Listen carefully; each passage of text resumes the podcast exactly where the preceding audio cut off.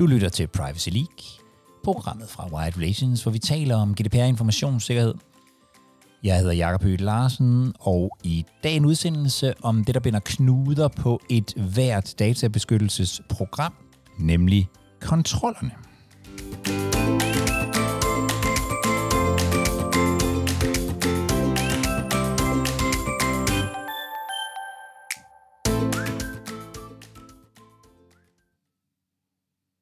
Lad os komme i gang med øh, dagens program, og det første, vi skal kigge på, er opsætning af kontroller.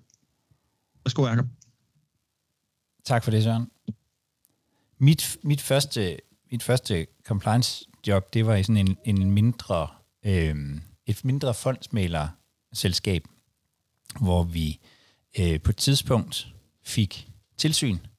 Det var i forbindelse med det tilsyn, at jeg blev compliance-ansvarlig øh, fordi den tidligere compliance-ansvarlige var stoppet, og så havde man øh, kigget man rundt i organisationen og fandt den eneste jurist, der var der, øh, og, det blev så, og det blev så mig.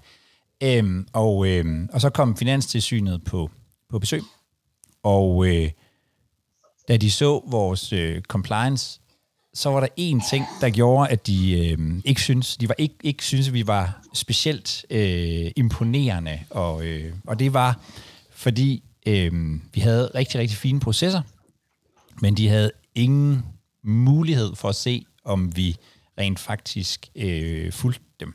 Øh, fordi vi øh, hverken lavede kontroller eller dokumenterede noget som helst. Øh, her i øh, Wild Relations er vi i gang med et, øh, et projekt, som øh, blandt andet Marie Bjerg Simonsen og jeg er involveret i, hvor vi prøver at kigge på alle de forskellige processer, der er i databeskyttelse. Og der er to processer, som grundlæggende er med overalt. Øhm, det ene, det er sådan risikovurderinger, som jo grundlæggende øh, starter alting, og så er der i enden af alle de her øh, processer, så er der øh, kontroller og evaluering af af det arbejde, vi, øh, vi laver. Fordi sådan skåret helt ind til benet, så, øh, så består et compliance-program jo af risikovurderinger, så består det af, at vi siger, hvad vi vil gøre. Det er politikker og procedurer og sådan noget. At vi så gør, hvad vi siger, altså forsøger at implementere det, og kontrollere, at vi gør, hvad vi siger. Og så som det sidste, at vi også dokumenterer det, øh, så andre kan, øh, kan se det. Øhm, og det er i virkeligheden den sidste del her, som vi vil prøve at snakke lidt om i dag, nemlig øh, kontrollerne og det at dokumentere det, øhm, så, andre kan, øh, så andre kan se det.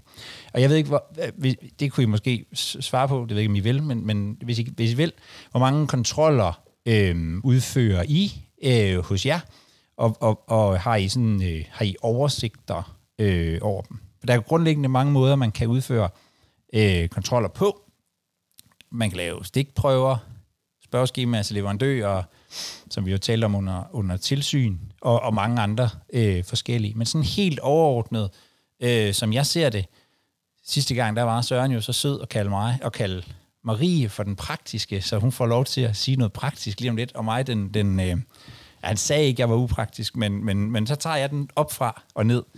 Øhm, fordi helt overordnet set, så, øh, så tænker jeg, bør man have en øh, proces, for de her interne kontroller. Man bør have en eller anden form for øh, fortegnelse over dem.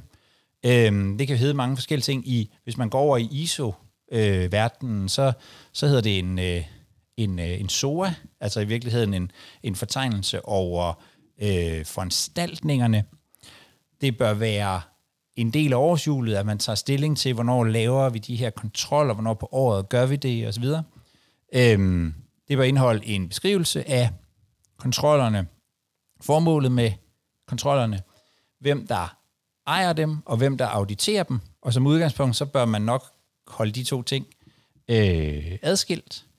Og så ligger der noget dokumentation og en rapportering til ledelsen. Altså i virkeligheden en proces omkring det at få beskrevet og gennemført øh, de her øh, kontroller. Jeg tænker, jeg vil tage øhm, Marie ind her med det samme. Øhm, fordi, Marie, kan du, ikke, kan du ikke sige noget om, hvordan man gør i praksis? Det vil jeg gerne, hvis jeg ellers lige kunne finde ud af at unmute mig. Det, det håber jeg er sket nu. Kan I høre mig? Ja. Super. Øh, jo, det vil jeg godt sige lidt om, øh, Jacob, og man kan sige, øh, det, hvis, hvis vi sådan skal tage det sådan lidt jordnært, så, så som du meget øh, praktisk udtrykte det, øh, så er det jo det her med at få dokumenteret, at man gør det, man siger, man vil gøre. Jeg tror, og nu gætter jeg lidt, men, men jeg tror faktisk, vi er kommet ret langt med det her med, at vi får opsat nogle ret gode processer. Vi har nogle procedurer, øh, nogle politikker for, hvordan vi, øh, vi arbejder med personoplysninger, øh, politikker for vores databeskyttelsesarbejde. Og, og det, det tror jeg faktisk, vi er kommet ret langt med. Øh, så nu siger vi, at vi gør et eller andet, men det her med at få fuldt op øh, på, at vi så også gør, som vi siger, det er jo, det er jo hele dokumentationssporet. Øh, og sådan i praksis, øh, jeg kan jo kun tale ud fra egen erfaring, men man kan sige, det er, det er også med at anskue lidt ud over måske øh, et års jul og sige, jamen hvad er det egentlig, der er vigtigt for os øh, at få kontrolleret, at vi, at vi i hvert fald har styr på. Øh, det kunne jo så også være en risikobaseret betragtning hvad er vigtigt, øh, og så lægge sig på et niveau og sige, måske det her kvartal, der kigger vi på det her, næste kvartal kigger vi på det her. Så man får lavet en eller anden, øh, nu kalder jeg det en auditplan, eller en, en plan over, hvad det er for nogle kontroller, man gerne vil igennem. Øh, og så er det jo også lidt med at få, få valgt en metode, hvordan vil man gerne øh, kontrollere, at, at de her politikker bliver fuldt. Øh, og det kan egentlig også være meget jordnært. Og for at tage nogle øh, sådan lidt praktiske eksempler, jeg håber, at I nikker derude omkring, men det kunne jo være sådan noget sådan, som øh, øh, nogle sletteprocedurer, at man får lagt nogle sletteprocedurer på nogle systemer, måske får det indarbejdet i nogle processer. Og det er jo rigtig fint, og de som regel lige i øjet, det som de skal være, men vi vil jo også gerne dokumentere, at vi så gør det. Så det, det, er jo, det er jo faktisk at få fuldt op på alle de gode tanker, man har haft øh, i sit databeskyttelsesarbejde, og ligesom få det fuldt til dørs. Øh, jeg kan se, at der er nogen, der nikker. Det er jeg rigtig glad for. Øh, er, der, er der nogen af jer, der er kommet i gang med det? Øh, jeg kan faktisk også se, at der kommer en masse ind på, på chatten. Er det ikke også der er nogen, som, som skriver lidt til det her på, på chatten. Karine, hun skriver, at de har blandt andet eller cirka 40 kontroller årligt i årsjule med mange delkontroller for alle processerne. Ja, og man kan sige, nu, nu har vi jo i, i det her måske øjnene rettet meget på, på databeskyttelsesarbejde. Jakob, du var lige inde og, også, øh, og snuse, øh, eller i hvert fald sige lidt om informationssikkerhedsarbejde. I informationssikkerhedsarbejde, der kender man det i hvert fald rigtig godt, det her med, at man har øh, sine foranstaltninger. Dem har man øh, oplistet i sit SOA. Øh, hvor man jo også er inde og kontrollere, om de her foranstaltninger, er de effektive? Det er jo også det, man gerne vil trykprøve og sige, nu har vi sat en masse gode ting op, jamen virker det efter hensigten? For ellers er de jo ikke effektive. Altså, så kan vi jo næsten lige så godt lade være. Så skal vi i hvert fald have kigget på dem igen, hvis øh, enten de ikke bliver fuldt, eller at man ikke øh, gør det på den rigtige måde. Hvor oplever, hvor oplever du de største udfordringer i praksis? Øh, jeg vil sige, jeg, jeg oplever egentlig udfordringen med at forvalte den rigtig gode metode øh, til at få, få kontrolleret. Fordi det er, at man vil egentlig gerne kontrollere nogle ting. Øh, for eksempel, at en foranstaltning er effektiv, eller en proces, eller en, en procedure. Men det her med, hvordan kontrollerer man det egentlig? Mm. Hvordan får man, får man det til at være en del af sit arbejde også? Øh, man har jo travlt nok. Det, det, det tror jeg, vi alle her øh, har helt forståelse for, at der er jo nok at give sig til. Øh, og det her, det er jo sådan lige en, en ekstra ting, man også skal have, have fokus på, man får lavet den gode metode. Hvordan får man egentlig øh, kontrolleret, at man har slettet korrekt? Og hvordan dokumenterer man det? Hvordan dokumenterer man, at noget er slettet? Det kan jo, øh, det kan jo faktisk være en lidt svær øvelse i sig selv. Det er også altså lige præcis omkring det der med, øh, med sletning. Det er i hvert fald det, jeg selv har oplevet størst udfordringer. altså for eksempel sådan noget med at få slettet i, øh, i, i, i mailsystemer.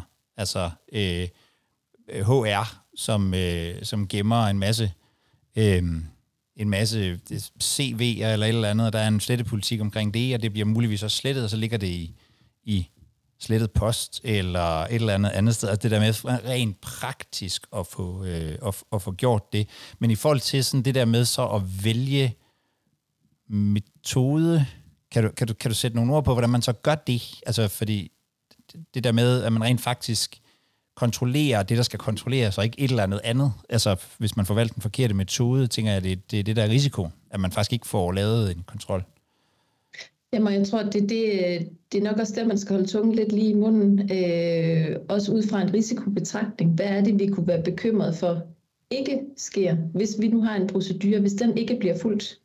Øh, hvad er det så lige præcis, øh, der er vigtigt øh, at få fuldt til dørs. Mm. Og lige præcis på sletning, jamen altså, hvad med, hvad med backup, hvad med, øh, som du selv nævner, slettet post, hvad med alle mulige øh, afarter af, af en kontrol, hvor kan det stikke af hen? Øh, og så vil jeg også sige, øh, niveauet af kontrol skal jo også passe med, med det risikobillede, øh, man egentlig øh, står overfor. Mm. Øh, hvis der er noget, der er virkelig vigtigt for ens øh, forretning, øh, så er det jo nok der, man skal øh, sætte ind og, og lave nogle flere kontroller. Øh, hvorimod hvis det er et øh, mindre risikofyldt område, jamen, så kunne man måske øh, kigge på en metode, der hedder sådan noget som egen kontrol. Man beder simpelthen øh, sine kollegaer om lige at kontrollere og melde tilbage, var det som det skulle være. Der er, der er forskellige måder at, at gribe det an på. Ja. Øh. Så det kan både være egen kontrol, det kan være stikprøvekontrol, eller der, hvor det virkelig er vigtigt, at man, at man faktisk er igennem, øh, alt efter hvor stor mm. man er, mere eller mindre det hele. Ja, en, en, en, en hel auditering af en proces, at man for eksempel kører sådan en vugge til grav øh, audit eller kontrol. Øh, det, kunne, det kunne man godt forestille sig. At man, øh, man ligesom kigger på nogle forskellige niveauer og siger, hvad kan vi egentlig tage i anvendelse her, og hvor tit skal vi gøre det? Hvordan vil du op, hvordan vil du, øh, altså hvordan, hvordan vil du anbefale, at man tilrettelægger det? Er det noget med øh, en gang årligt, at man laver en, en masse kontrol, eller er det, hvordan, hvordan vil du, hvordan vil du anbefale, at man, at man tilrettelægger øh, kontrolarbejdet? Øh, som jeg altid anbefaler, når man går i gang altså med noget nyt, for eksempel, hvis man nu ikke er kommet i gang med det her arbejde, så vil jeg egentlig øh, starte lidt øh, op fra, og så sige, jamen, hvad er det egentlig for nogle foranstaltninger, vi har? Hvad har vi sat op? Hvad har vi af processer og procedurer? Hvad er vigtigt for os, at vores kollegaer gør? Øh, og så vil jeg lade være med at skrue alt for meget op for, øh, for interval og, øh, og ambitionsniveau til at starte med, ligesom få, få tryk på nogle ting, hvad virker. Ja. Øh, fordi man bliver faktisk også meget klogere i den her proces, øh, skulle jeg hilse at sige. Øh, hvad virker og hvad virker ikke? Øh, så få, få startet på et, øh, et niveau, hvor man også kan, kan være med. Øh, og så skrue lidt op. Øh, netop der, hvor det er risikofyldt, jamen, så kan det være, at man skal øh, kontrollere en gang i kvartalet, en gang hver halve år. Der, hvor det er mindre risikofyldt, jamen, så kan det være, at øh, man bare kører en årlig kontrol. Ja. Øh, Ja. Altså, og, og et meget øh, lavpraktisk eksempel er jo det her med, når man har øh, nogle ansøgningsprocesser, jamen husker man så også lidt øh, alt det, man får ind. Øh, det, er jo, det er jo øh, forholdsvis ukompliceret at sætte sådan en kontrol op, at man lige siger, jamen vi har haft det her ansættelsesforløb. Har alle husket at gøre, som der nu også står i vores retningslinjer? Øh, eller hvis man gerne vil beholde længere tid, har vi så samtykke til det? Eller få, få det sat op på den måde. Det var bare sådan et eksempel taget, øh, taget lidt ud af det blå, men, men det er jo sådan nogle ting. Men hvordan prompter man det i, i praksis? Fordi en, en ting er jo at samle ting en gang om året, men når det er processer, som for eksempel som en HR-proces, der slutter på et tidspunkt, det er jo ikke noget, man nødvendigvis... Altså, hvordan prompter man så, at man gennemgår tingene nu? Altså, hvordan, jamen, hvordan sikrer man sig, at man gør det i slutningen af processen? Udover at hvis man er ansat i forsvaret, så gør man det bare så gør man det bare. Så, øh, ja, nej. Øh, jeg, jeg vil faktisk sige, at det er noget, man, øh, man bør planlægge sig lidt ud af. Øh, og sige, at på et helt år, så har vi måske x antal ansættelsesprocesser. Det ved man måske heller ikke øh, fra start, hvor mange man har. Men at sige, at en gang i Q3, så tager vi lige to ansættelsesprocesser op og siger, har vi så gjort det øh, på de her to ansættelsesprocesser? Mm. Det behøver ikke at være noget, hvor man siger, hvornår den her ansættelsesproces slut, så griber vi ind og ser om, øh, altså, det kan, der vil jeg egentlig anbefale, at man, man prøver at planlægge sig lidt ud af det. Øh, lidt ligesom når man laver en awareness plan, så kan man også godt lave en, øh, en audit plan. Ja, så tænker jeg også, at man skal tænke i, som, øh, som Lars skriver, at, at, kan, man få, kan man i virkeligheden få hjælp. Øh, Lars skriver, at de har øh, til hjælp med sletning af mails har sat en OS2 datascanner til at screene postkasser for personnummer. Øh, for eksempel, altså det, at man kan få noget, at man får noget teknisk hjælp, det, øh, det, det bør man nok under alle omstændigheder tænke i det meste tiden, øh, om, man kan få, om man kan få noget assistance på den, på den front, tænker jeg. Absolut. Altså jo, øh, jo mere... Øh, jo mere tid man kan spare på det område. Øh, fordi det er jo også det, jeg øh, prøver at adressere det. Det er jo lidt tidskrævende også, de her, det er jo, det er jo nogle, nogle ekstra opgaver, man, øh, man giver til sig selv eller sine kollegaer. Og jo mere man kan få hjælp af, af et program eller et system, øh, jo bedre. Og vi har jo et, et, et, skal vi sige, et rammeværktøj, øh, som, som, som er meget sådan fokuseret på kontroller, eller det er det så ikke længere. Det er, nu er det fokuseret på foranstaltninger, er det ikke sådan, de kalder dem, øh, i, i, i ISO, øh, både 27002 og 701. Kan du ikke prøve at sige noget om, om det? Jo, altså man kan sige, der har man jo, øh, der har man jo givet nogle foranstaltninger. Igen, øh, i SOAN vælger man, hvad det er for nogle foranstaltninger, der er relevant for ens organisation at arbejde med. Og man kan sige, at hele ISO-tankegangen øh, er jo, er jo bygget op omkring det her Plan, Do, Check, Act. Så vi planlægger noget, vi sætter nogle foranstaltninger op, vi kontrollerer, øh, om de er effektive, og ellers reagerer man øh, på det. Altså man, man egentlig øh, håndterer, hvis man nu finder noget, der ikke var, som der skulle være. Og det er jo det, der er hele humlen i det her. Vi kontrollerer jo ikke bare for kontrollens skyld, eller for at have noget god dokumentation. Det er jo faktisk for at sige, jamen er der noget her, øh, vi lige skal være opmærksom på? Øh, skal vi have tilrettet den her proces, eller skal vi egentlig have, have noget øh, mere målrettet awareness ud for at få folk til at følge en proces, eller hvordan og hvorledes, at man egentlig tager temperaturen på, øh, på de foranstaltninger, man sætter op. Ja. Øh, og, og der er ISO, altså det, det, det rammeværk, altså ISO-standarden jo øh, en ret god systematik at arbejde ud fra. Man har givet nogle foranstaltninger, dem bestemmer man selvfølgelig selv, hvordan og i hvilken grad man arbejder med dem, men at man også følger op øh, i forhold til at, at, øh, at vurdere, om de er effektive. Og der vil man vel også kunne få inspiration, hvis man, hvis man sidder og tænker, nu skal vi også, vi skal også i gang til, hvad er det, hvad er der sådan best practice for, at man øh, at man kontrollerer Absolut. i, i, altså, i nogle af de her rammeværktøjer? Absolut. Altså man kan sige, at 2700, ISO 27002 er jo netop en oplistning af, kan man sige, gængse øh, foranstaltninger, som, som vil være øh, relevante for de fleste. Og man kan sige, pangdangen øh, over i, i privacy-delen på ISO 27701, jamen der har vi jo også det, der, der målretter sig meget databeskyttelse.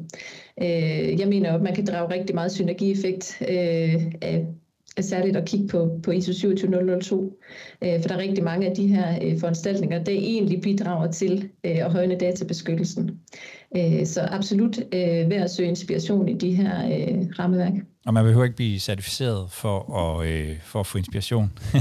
Nej, absolut ikke. Jeg poster lige et, øh, jeg poster lige et link øh, til en podcast, jeg lavede for noget tid siden øh, med en fra Dansk Standard, Lasse, øh, hvor han gennemgår, øh, hvordan den nye ISO 27002 ser ud der kan man også godt komme med, hvis man ikke helt ved, hvordan den gamle så ud. Så, øh, så, kan, man, øh, så kan man nå at hoppe, øh, nå at hoppe på der.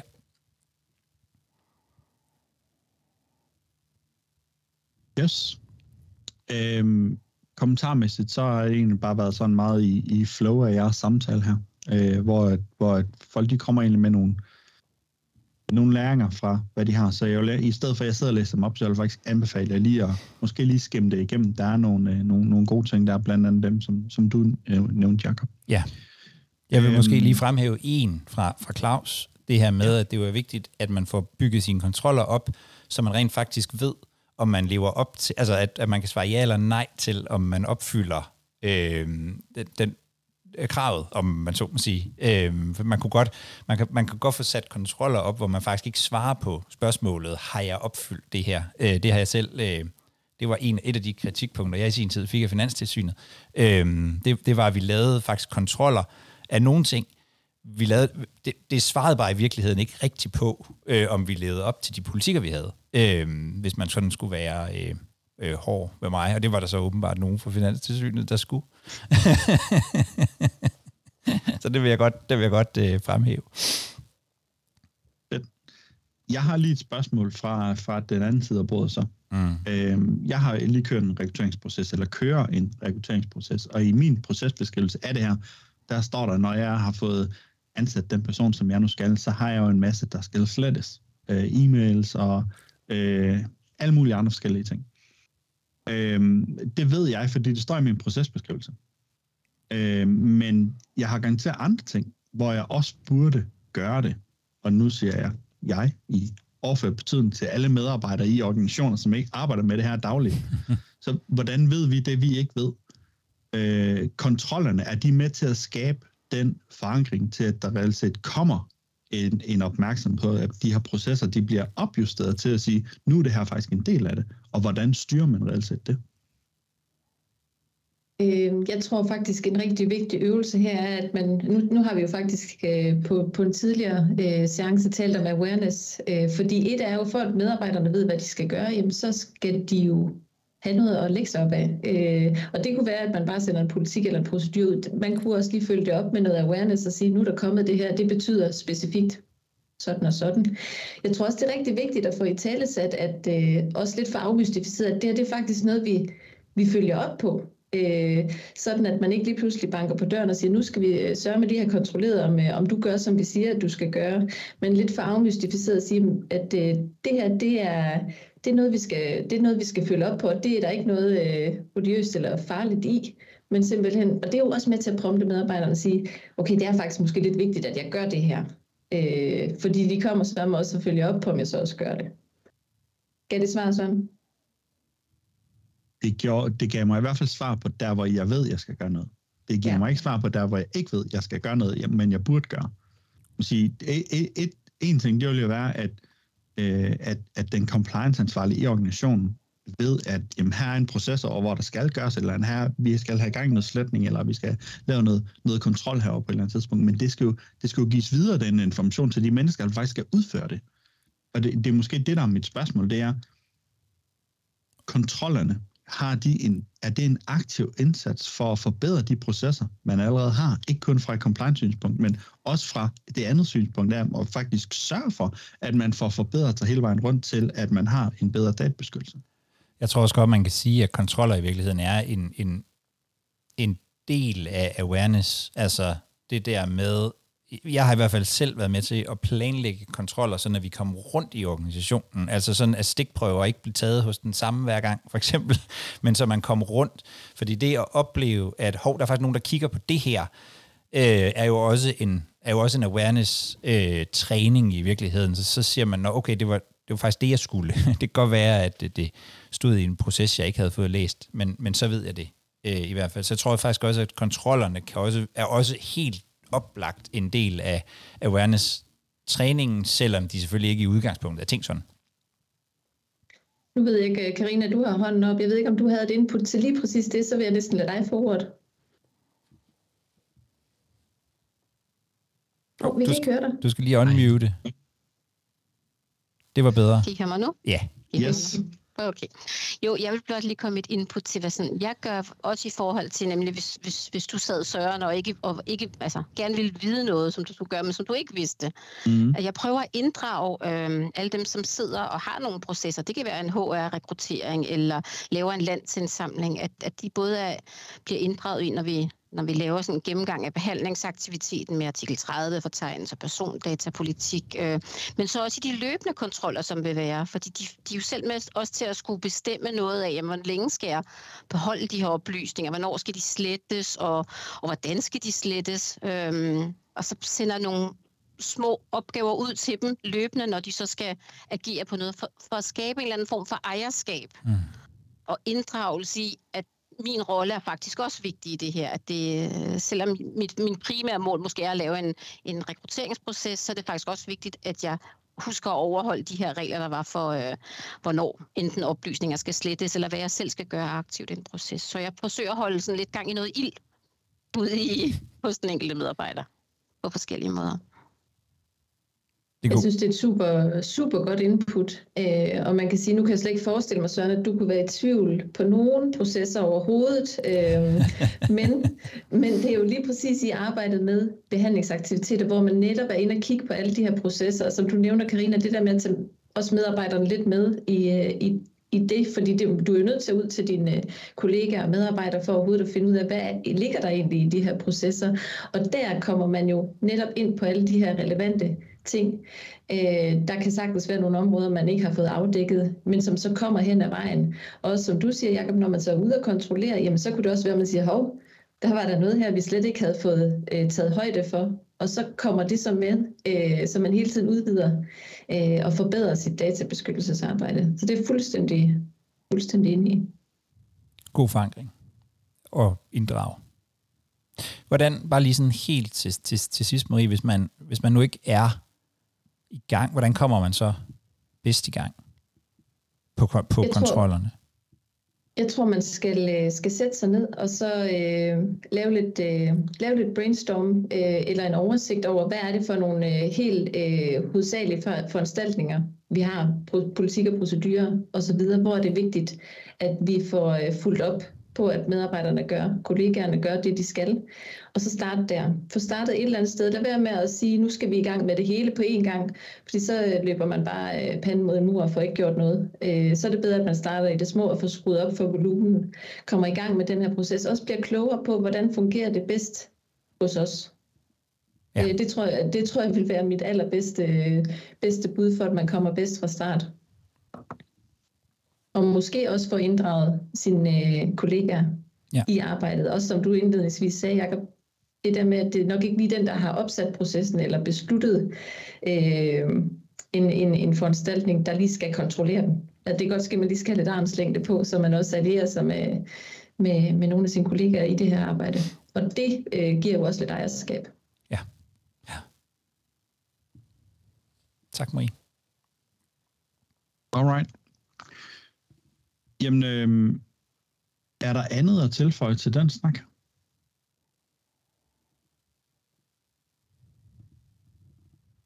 Jamen, så tror jeg, at vi hopper videre til, øh, til det næste, som øh, er databeskyttelse i recession.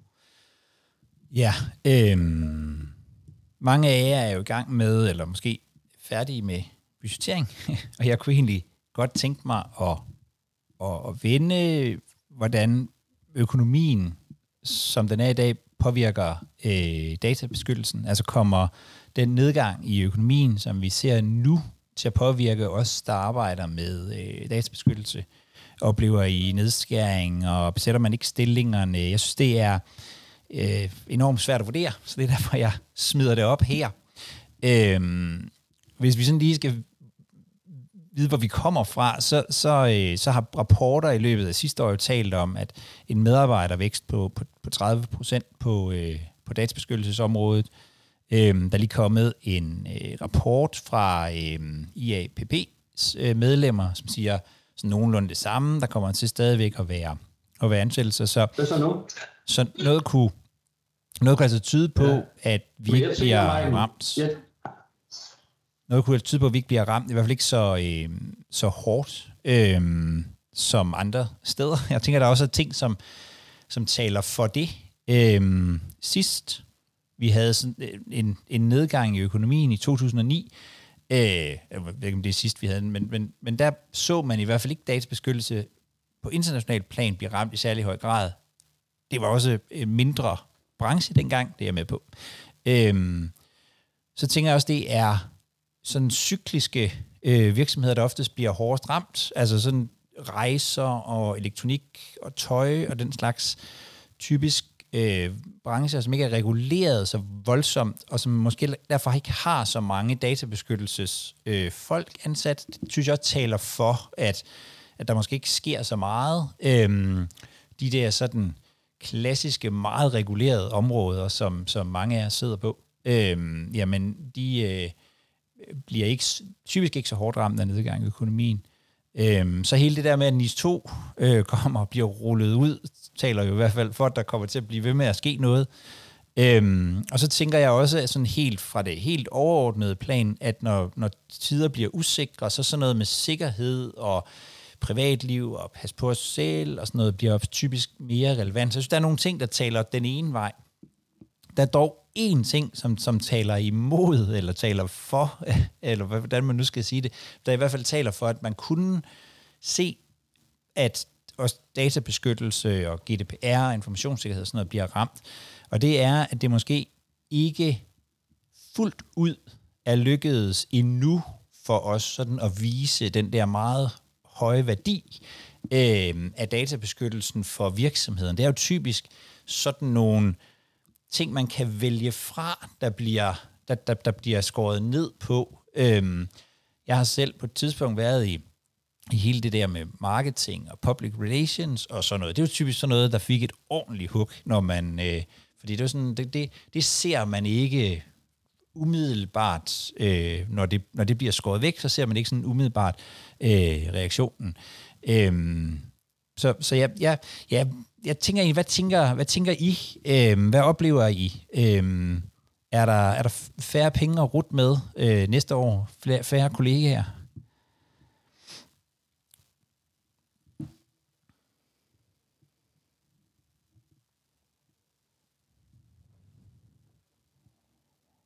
Dennis, hvad siger du? Det, øh, næste år er jo ikke lige frem året, hvor øh, compliance-afdelinger kan klappe i hænderne. Det er både, at øh, der falder en, sikkert en masse hammer om cloud, og hvad skal jeg komme mm. efter der. Og øh, samtidig er der recession og inflation, og øh, ikke lige et, et vækstbudget, men med at vi skal holde os over vandebudget. Så øh, jeg regner da ikke at, øh, med, at jeg kan scale min legal afdeling her. Men samtidig tror jeg heller ikke, at øh, der bliver nedgang i, i budgettet, som lige nu er kun er min løn, sådan set. så det satser du ikke på. øh, ja, så måske i virkeligheden ikke, ikke, ikke, ikke ned, men måske heller ikke op i det tempo, det er gået øh, indtil nu.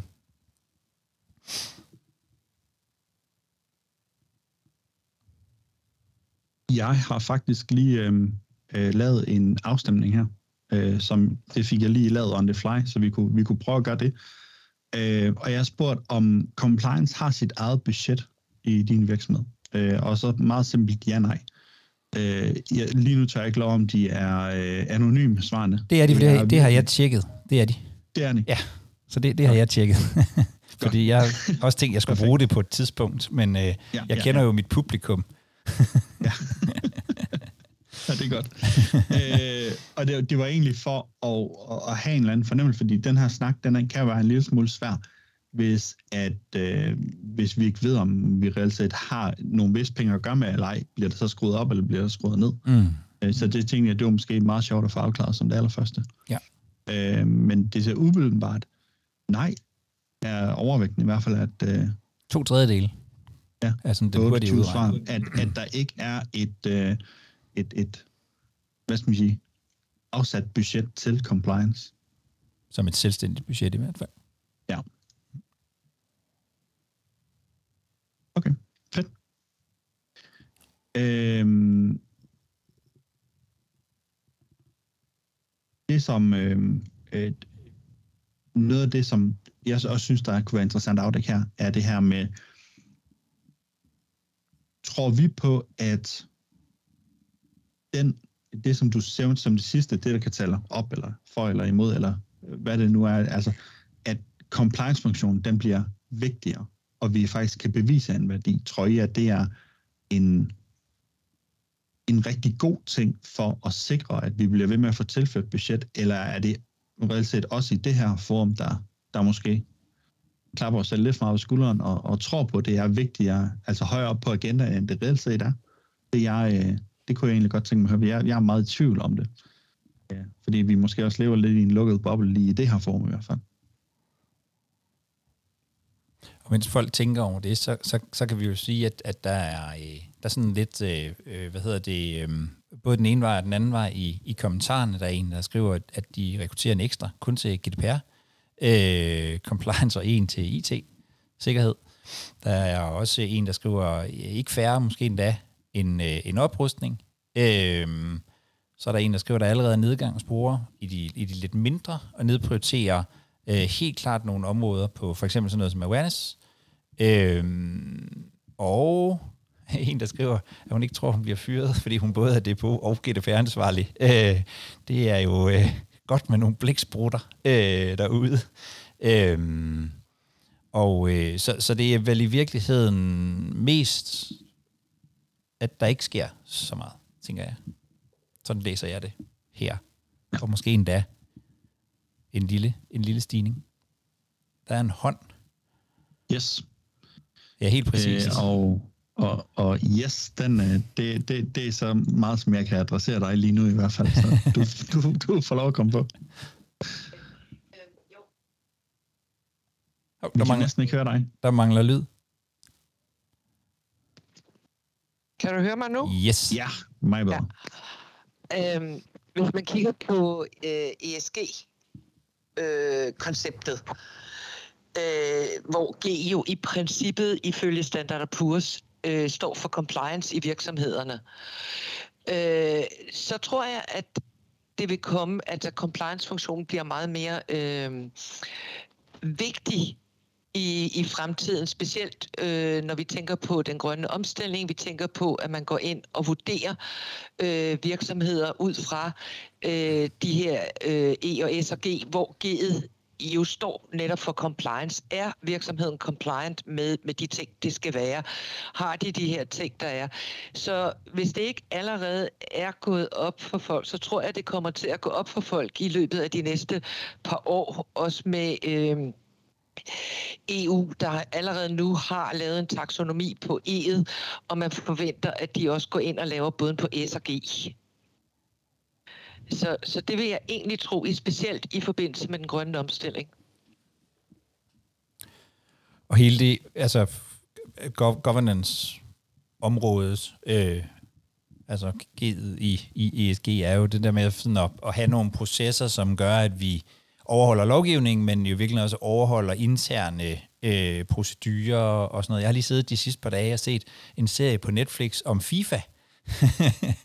Apropos øh, governance, som flere gange i løbet af den der udsendelse forsøger at indføre øh, governance, men bliver ved med at modtage øh, bestikkelse. Så det er jo sådan hele det der øh, område, kan vi i virkeligheden have tillid øh, til virksomheder. Jeg har også selv en fornemmelse af, at det vil blive øh, at det vil blive vigtigt. Øh, men det, jeg, jeg har det nok lidt ligesom Søren. Det kan godt være, at det er fordi, jeg i forvejen synes, det er vigtigt, at jeg også håber, at andre kan, kan se det. Øh, så det er jo i virkeligheden det interessante i, øh, i, i diskussionen. Jeg tror til gengæld ikke, der er nogen tvivl om, at når man jo mere utryghed der er i samfundet som sådan, jo, jo mere er vi som, som udgangspunkt fokuseret på det der med, kan vi have tillid til vores øh, omgivelser, og vi er fokuseret på, på sikkerhed og sådan noget.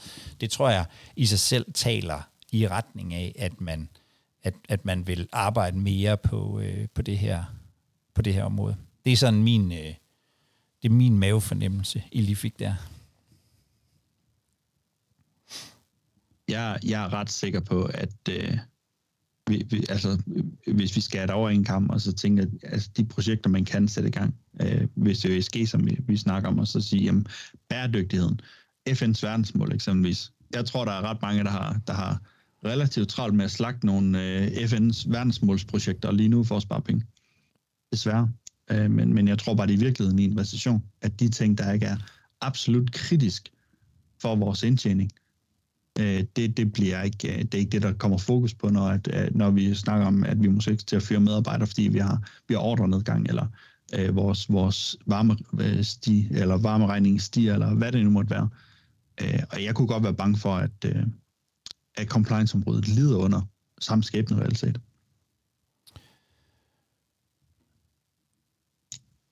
Måske. Men, øh, men om, det, om det er en sandhed eller ej, det er jo det, er jo det der er sjovt at, at, at grave lidt i. Det, det man jo også kan sige er, at, at hvis, man, hvis man reelt tror på, at øh, det her med miljø og bæredygtighed og compliance og governance, hvis man tror på, at det er sundt for virksomhederne, så vil det, så vil det der sker, tænker jeg, være, at dem, som sorterer det fra, dem, der er ligeglade med det, det bør så også være dem, som vi stille og roligt får sorteret ud, når øh, det er dem, der øh, det er dem, der går ned.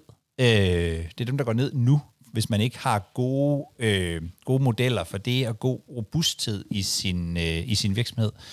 Øh, så, hvis, så hvis vi virkelig tror på det, så kan det godt være, at der bliver skaleret ned øh, i en periode, men så burde der til gengæld, øh, dem, der står tilbage, burde så være dem, som, øh, som rent faktisk har taget det der med at være en, en, en robust virksomhed. Det er jo det, der ligger i governance og compliance, for mig i hvert fald, øh, har taget det øh, alvorligt. Så, så, det, så det kan godt være, at der i en periode kommer noget kommer noget usikkerhed øh, omkring det, men, men, men måske står man så stærkere på den anden side. Det er jo typisk i, i, i, i modvind, man bliver, øh, man bliver bedre til at køre på cykel. Er det ikke sådan?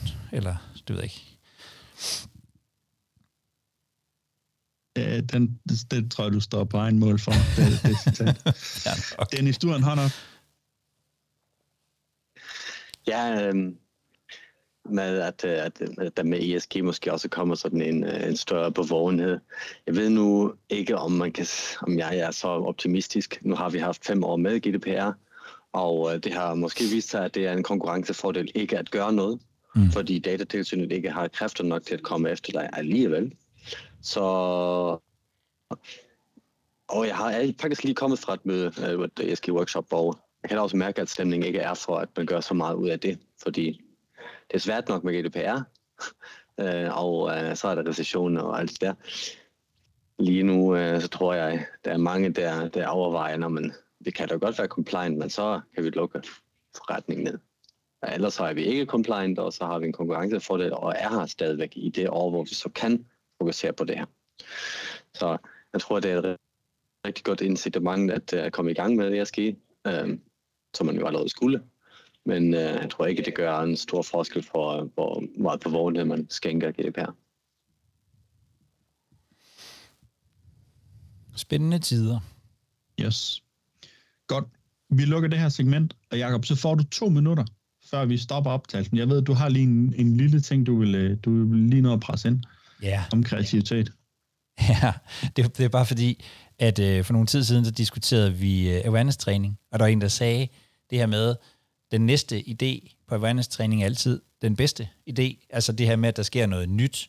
Øhm, og det synes jeg var ret fint sagt, nemlig at, at det her med, at awareness-træning kræver kreativitet, og nogle af de steder, hvor vi, hvor vi bliver opmærksomme og tænker, det skal jeg også huske at gøre, jamen det er måske der, hvor vi, hvor vi bliver fanget, fordi det er fordi det er spændende og nyt og sådan noget. Og, øh, og kreativitet er jo faktisk sådan ret enkelt. Det handler om at få en masse gode idéer, fjerne de dårligste af dem, og arbejde videre med de gode. Og det, øh, med det i mente, så gav jeg mit øh, LinkedIn-netværk en øh, udfordring for øh, nogle dage siden, nemlig få 20 awareness-idéer, gode og dårlige, øh, mellem hinanden, og så øh, tog jeg i øvrigt min egen øh, medicin og kom med, med 20 blandede, jeg faktisk 21 øh, blandede idéer. Og dem vil jeg bare lige øh, linke til. Det kan være, Søren gør det. Øh, til den post, hvor det var. Øh, også fordi, at jeg gerne vil give jer øh, udfordringen. I behøver måske ikke at komme med 20, men det kan være sjovt at lave sådan en, en fælles brainstorming på, på gode idéer til, øh, til awareness-træningen til næste år. Så kan vi... Øh, så kan vi hurtigt lave noget super god awareness-træning, og så øh, fokusere lidt mere på, øh, på alt muligt andet, og øh, kontroller og, øh, og sådan noget. Så det var, det var bare det, jeg vil sige, inden vi slukker. Du har lyttet til Privacy League, programmet fra Wired Relations, hvor vi taler om øh, GDPR informationssikkerhed. Og det, du har lyttet til, det er en af vores liveudsendelser sådan en øh, online ERFA-gruppe, som vi har hver onsdag kl. 14. Og hvis du vil med til den, ja, så skal du gå ind på whiterelations.com-pl og melde dig til. Der er ligesom to dele. Det, du hører her, det optager vi. Og så på et tidspunkt, så slukker vi for mikrofonerne og skaber et øh, fortroligt rum, hvor vi kan tale om alt det der, der går lidt tættere på. Og øh, det er også rigtig, rigtig godt. Så jeg synes, du skal øh, overveje at være med. Og øh, at, så håber jeg, vi ses. thank you